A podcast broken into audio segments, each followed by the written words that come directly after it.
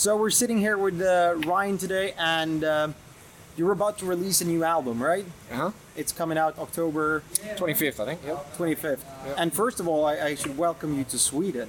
It's good to be here. Yeah. Good to be here. You've been here a couple of times, right? Ah, yeah, quite a few times. Yeah. One of the first places we came way back in Runnin' Wild. Okay. Yeah, yeah. Uh, what's the best thing with Sweden, and what's the worst? Um, the women are very nice. I must say. Yeah. They're not. Um, they, they look good. They're not nice. Um, yeah. I don't know. Good, good, uh, good beer. And the worst thing, I guess, it gets cold sometimes. yeah. And no kangaroos. No kangaroos.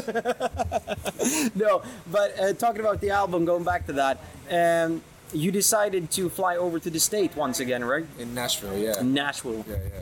and you um, decided to go with this Cobb dude as a producer, Dave Cobb. Yep. Dave Cobb. Yeah. Yeah, yeah, yeah. And who decided to work with him? Wh- Uh, wh- whose idea was that? He's, a, he's, a, he's one of the best producers right now in the world, and um, it was one of those things we just we just we we rang him on the phone and um, we sort of had a conversation with him for 20 minutes, and we knew that he was the guy. Okay. Um, he basically was very confident about what he what he wanted to do and how he how he would record. Should, we- should we go somewhere quieter? Or- no, it's okay. Okay. I'll, that'll be fine. Yeah, take that again. I'll say that again. We worked with Dave Cobb because he's he's somebody that knew exactly how he wanted to record the band um, live. He when we when we first and actually when we first went there, he had it set up the same way he they recorded the Stones back in the day. Yeah. Just baffles between the gear, but it's set up like a stage. So that was really good to see. And um, yeah, he's just you know we everything was done in a couple of takes. So to work with somebody who understood when a band's playing something for the first time, it's the best time to hear it. So I agree. I agree. And I, I read a little bit about his his uh, how you were working with it and his unconventional method, so to say, uh, that um, he just set everything up, and then he said, "Okay, you're uh, uh, get ready to play here." yeah, And usually, as you uh, one of you guys said in the um, in the thing that was sent out from the record company was that usually it takes like a couple of days to just set the guitar uh, guitar tone right. yeah, Yeah, and he was was it really like that? it was. I mean, it did take at least a day to get tones, but outside of that, it was basically no song took more than one day Okay. to record, and a lot of the times we didn't know we recorded it until he walked out and said he got the take, and we'd still be learning the song. That's amazing. Yeah. That's amazing. And uh, when it comes to the songwriting, uh, did you come there with a bunch of ideas, or did you just set up and start to jam? We had riffs and titles, but that was it. Okay. Yeah, that was all we had. One thing uh, I, I I've listened through the album twice, and one thing that struck me directly was the feeling. And then I hadn't at that time I didn't read anything about the the progress or where it was recorded or wherever. And the first thing that struck me was the feeling of that it was recorded live. Yep. It didn't feel that it was manipulated in like time stretching and and fix and tricks. It, it, it felt really honest and Yeah. it felt really rock and roll. And Yeah. uh, one thing that that I, that really like yeah this is great was the drum sound. Yeah. Yeah, I really like that. Yeah. And um, was there any specific methods you were talking about, like recording like the Stones back in the days? Uh, when the Stones recorded back in the days, they had one microphone for the drums. I, I, did, I yeah. bet you didn't have that, but No, a couple, but it was a lot of it was room mics. But um, the kit we used was the one he had set up when I got there. We tried a couple of other ones, but he knew that that was going to be the one. Yeah. And it was pretty standard setup, and we didn't do much to them really. It took all the the skins off the end of the drums, yeah, which was interesting, but that was it. cool. No, I like it a lot. I like it a lot, and it, it sounds really, really. I don't know if honest is the is the right word, but that's how I feel. Yeah. Like it feels like you're going in there and you start to play, Yeah. and uh, it gets sweaty and gets rock and roll. And uh, I really, really like that because nowadays, so many productions are so put together on the, the Yeah. you know Click track and the the- click track exactly exactly and how was that I, I read something about that you were like going up and downs in like in tempos just to to make fun of the producer Well, no, no, no. That, that was um, that was just natural. But um, and especially when you're playing a song for the first time, you you go into the chorus, speeding up a bit. Yeah. But that's exciting, and that's why you kept it. Because when you, you can't mimic that again, you play it, like when you try and do it again, you play it too perfectly. yeah, exactly So that was the that's the exciting part of it. Is it's the first time they were literally played. Like for Boneshaker, for instance, the breakdown in the middle. yeah So the, basically, the way the songs were done was the, the songs were recorded first as song beds without vocal, and then we wrote vocal on top. So with Boneshaker, um, there's a breakdown in the middle. That was the first time I'd ever done it. It's the only time I ever did it because we were jamming the song, and I just went, and then just went and bang, yeah bang, bang, bang, bang, and then bang, bang. Joel goes again, buckle, boom, bang, and then buckle, buckle, bang, uh, and we're like, okay, and finish the song, finish. One more, one more. That's how it was done. And then we're like, then we went, all right, we're ready to track it now. And he goes, that's it, you're done. it's done it's that's amazing So he kept, and there's probably mistakes and stuff, and you'll hear little things, and the more you hear the record, the more you'll go, oh, I hear little bits and bobs, which is which is great because it's live, and it's that's how they used to do it. But that's the funny thing with music because you as a songwriter and, and as a musician, you will always hear the mistakes on an album. Mm. But no one else will. Yeah, because, you're right, be- yeah. be- because you are the only one that has the schematics. Yeah. And you are the only one that were there that knew what was happening. Yeah. And you know, you know that the G string was completely out of tune when you recorded that thing. Yeah. But no one else will hear it because like for us that listens to the music, we will just like, yeah, that was a fucking smart move of them to do it like this. And uh, you actually checked your phone in that take. you know? yeah, yeah, yeah, yeah. Absolutely. When when uh, when this album comes out, you're gonna go on tour, right? Yep, And you're known for being a band that tours a lot. a lot. Yeah. Has there is or is there any place in the world where you have like a little bit more there, there, there's there's some cells in your body that says that I want to go there more than somewhere else. Is there any favorite place in the world for you to tour in? Well, I mean, obviously we love coming to Europe, but recently we've only done South America once, Yeah. And when we and they've been waiting for the band since Running Wild. So Argentina was amazing, Mexico was amazing, and it's it's one of those markets where it's a bit old school. Like it's people at the hotel when you get there, Yeah. and you know, like it's a bit you know it's a bit 60s, 70s kind of vibe. You know, it's still that kind of thing, and you know, even to the point where the bootleg merch on the streets was actually really cool stuff, and we were buying our own merch with picks, so because they had some really cool coffee mugs, and we were like, "That's so awesome!" And they made them with like m- like tin, like metal, and then they had like Airbourne like etched into it and stuff like that, and we we're like, "That looks really cool." I'm literally buying our own merch with picks. That's fucking amazing. That's fucking amazing. I've seen that happen to a lot of bands, and and uh, when you visit friends that are in bands, and you see like, oh, I, I really want to have that. Where can I buy that one? And they say like, no, it was in Mexico or in South uh, South America or Yeah. Argentina, and uh, the people that are making those both bootleg merch are really. Um, um, they have a great mindset when it, you know, to find out what people wants to buy. You as a musician, you always think like T-shirt, coffee mugs, whatever. Yeah. They make like dragons, Yeah. and swords, or yeah, whatever. dude. it is. yeah, they make yeah they make pretty cool stuff. So, uh, playing together with a family member, Yeah. uh, yeah, how's that? It's fine. It's I mean, fine? we've been doing it since we were kids, and uh, both got the same goal. Had the same goal since we used to, you know, take the dogs for a walk down the beach Yeah. and talk about this. You know, I mean, they, they, they say things these days about envisioning your future and stuff, Yeah. and then it comes true and stuff like that. Well, we we envisioned from what we saw from like live in Paris ACDC, you know, tour bus. The, the trucking company they use on that DVD, we actually use now, Trans Am Trucking.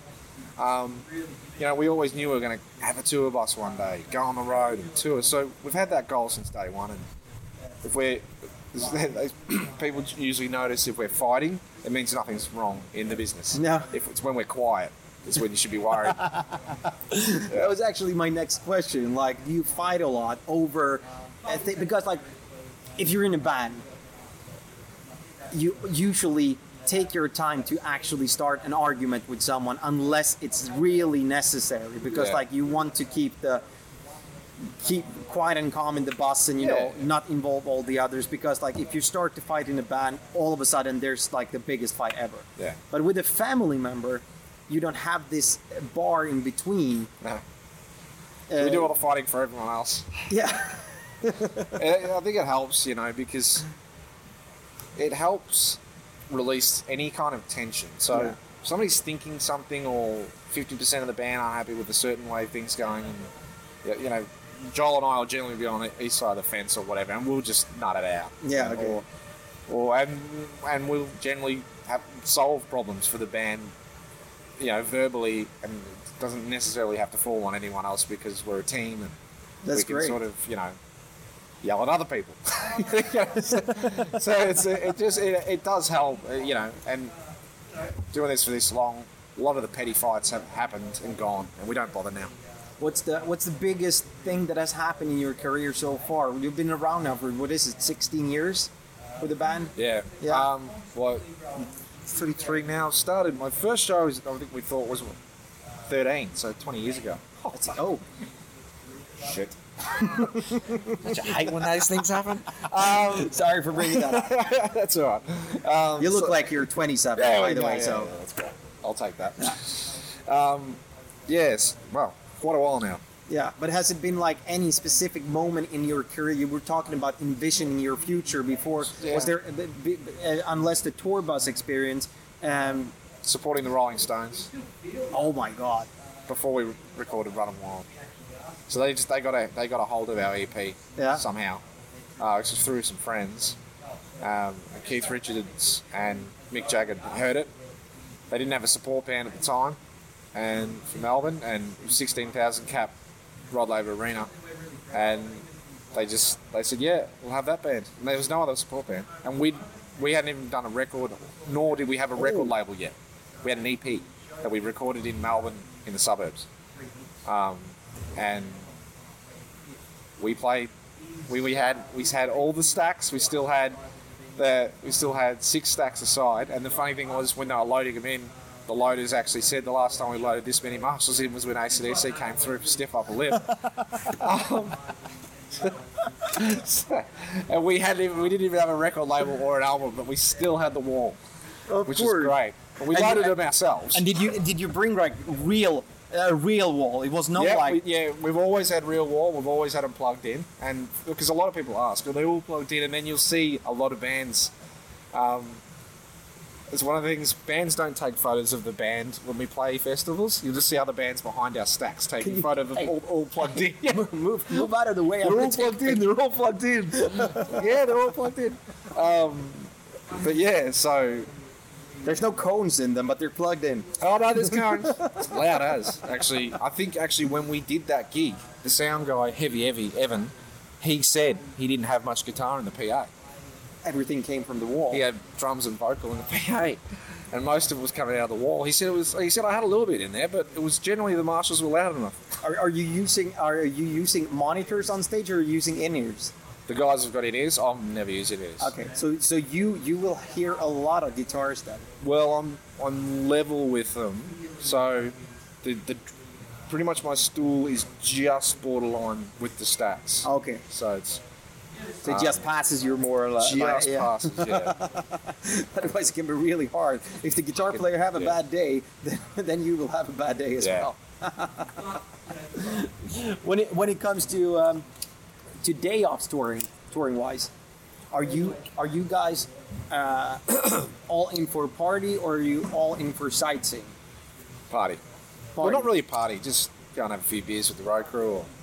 Or, um, like I do appreciate touring and, and sightseeing, and it's just something I need to figure out.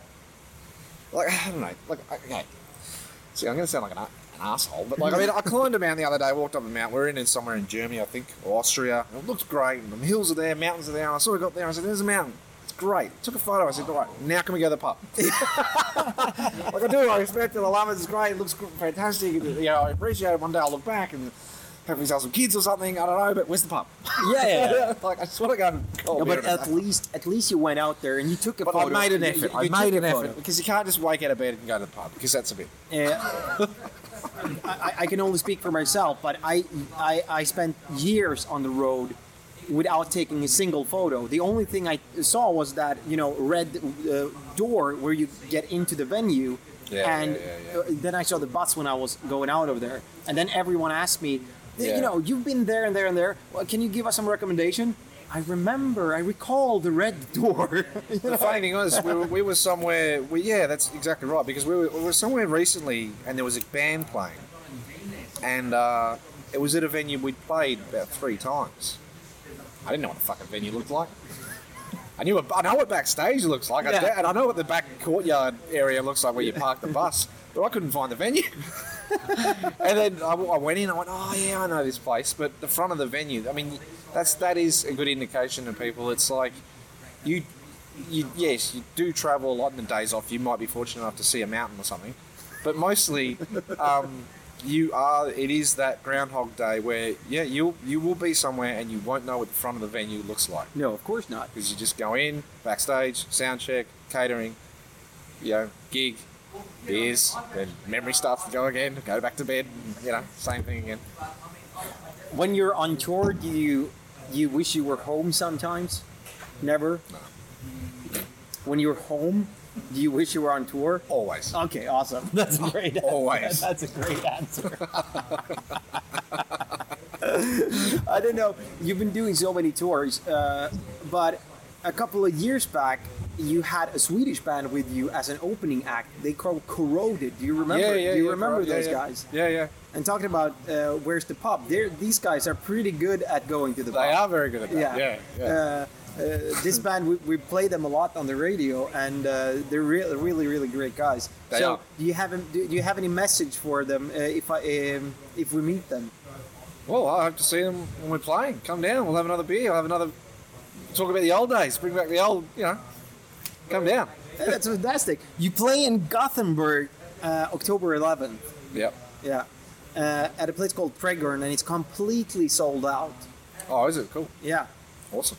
Um, and when it uh, when gigs are sold out, how involved are you guys in making the decision on trying to, um, uh, you know, maybe we should like what this is Sweden, maybe we should try to to put this uh, gig up to another Bump venue. I wish we were more involved. Well, you can either you can only suggest to the agent, but usually they got a strategy. Like, hmm, usually it comes down to venue availability. See, one of the things we're dealing with in, in these days is because you know a lot of bands are going back out on the road from from many eras. Yeah. The young bands that have to record that are trying to build a career and record albums can't book a venue two years in advance or a year and a half in Yeah. advance because you don't know when the record's going to be done and then you don't know release times. You know how it's going to work with the record label. So a lot of venues getting booked up a lot earlier now. So you've really got to plan year and a half ahead and hope for the best. So sometimes it's just down to venue availability. Yeah, the reason I asked this is because I think that this is something that a lot of our listeners want to understand because I don't think that listeners uh, and fans knows about this. Yeah. Because I, I hear it a lot uh, between my friends like why don't like I couldn't get tickets to that ve- to that show. Why don't they just put it at that place instead? It's much bigger. And um, that was a really good answer from you there to, to actually describe that that most times A lot uh, of bands, like there used to be a time, maybe 20 years ago, where it was just standard that if you were gonna, if you were in a venue, you, you know, 99 or 90 percent of the time, that band had released a record and was promoting a new record. But now it's different. A lot of a lot of older bands are going back out without records and refilling venues, and it's making it harder for the younger bands yeah. to to get hold of those venues when they've still either got an album to make, market it, and have the you know, and then it's got to work with the record label because they're going to have other acts with other schedules. They've only got so many resources. So that'd be why. Yeah, it's, it's- Exactly. yeah. And and also, uh, even a band like you, you have an al- album cycle that least at least two years. Yeah. And and uh, talking about 20 years ago, your the, your album cycle was maybe one year, and then you took your time to record a new album. Yeah. Nowadays, most bands are, are out on are touring instead, and you like that because you love uh, being I on love the road. touring. But that's the other thing too. Um, yeah, like, and even back in the seventies, uh, you know, an album tour probably wasn't as long as they are now. No. Because you, you they generally covered, you know, they would have probably done the states, Europe, maybe Australia, maybe, or maybe just a bit of Japan. Not many were going down to South America at that stage, or India or anything like that, Russia. So now bands generally go out a lot longer, go to a lot more territories, and yeah, there's like what I enjoy. You know, you sort of got these dates coming up, but there will be probably the end of 2020 a big, bigger one where, Yeah. like, the way we're seeing it is this tour is more, even though the album's sort of coming out around then, this is more of a pre-album tour or more of a single tour. This isn't the album tour. The album tour will come once the record's been out for a while. We'll go around the circuit again and we'll come back and have a bigger, bigger show. Hopefully. Yeah, exactly. Or And maybe that- a big support. We'll see. but but going back to you and your brothers, you know, walking down to the to the beach with the dog, uh, envisioning, uh, you know, your career, what will happen in two years, twenty years, um, and and now you're here, and how does it feel to actually be able to be in the position where you're saying? We're doing a smaller tour now, but it's gonna be a, a bigger tour later on, and you are, you know, you don't have to the, the struggle that you have in the beginning as Yeah. a as a young striving band, you know, to get a tour at all. Yeah. Yeah. Yeah. That must that must be really uh, relieving to be in that position, to, so to say. Yeah, it is. It's, it's it's humbling. You pinch yourself every day, and you never take this for granted. And I think you know, uh, I was a question the other day, and someone was saying, you know, your band's so energetic. It's like it's, it's too energetic, you know, and it's you know very different. A lot of other bands. It's just, it's just like you know, that aren't like that. And I said, well, I think that really stems from, you know, the, the, the days of, you know, it could be your last gig, and and, you know, and loving every second of this, like really appreciating this. And I said, well, if there's any bands in mind that you think aren't putting enough effort in, if you go up to them and tell them that this could potentially be their last gig, I I you see their, their their show will change. They'll Yeah. they'll realise how much they love it because it's it's honestly one of the best things in the world. I was going to say job, but it's not. It's a life. And- Exactly. And, Lemmy, Lemmy was the epitome of that. Like, he loved it. He he loved it out here, and he, you know, he. I could. I knew uh, when he was home, he just wanted to go back out on tour, and he did all the time. Yeah, they were they were playing. I don't know how many shows they did a year, but must have been like at least 200 shows per year. When, Yeah. when like Yeah. almost up till the the bitter end. Yeah, because I, I honestly think. Um, I, I don't. I, I think he didn't want to be at home when that was going to happen. I No. think he wanted to be out Yeah, somewhere. He wanted to be out. Yeah. And uh, yeah, it was a great talking to you, Oh, and um, we wish you all the luck for the new album and. Uh, Try to get tickets for the Gothenburg show, and uh, uh, the funny thing is I'll that put in a good word. If there's a venue available, we'll hopefully try and bump it up. But Yeah, hopefully we'll can pu- how we pu- you can pump it up, and um, hope hopefully we'll see you there in Gothenburg in our home city. absolutely, looking Yeah. forward to it. Yeah, nice to nice to see you. Cheers, man. Yeah, Thank you. Bye.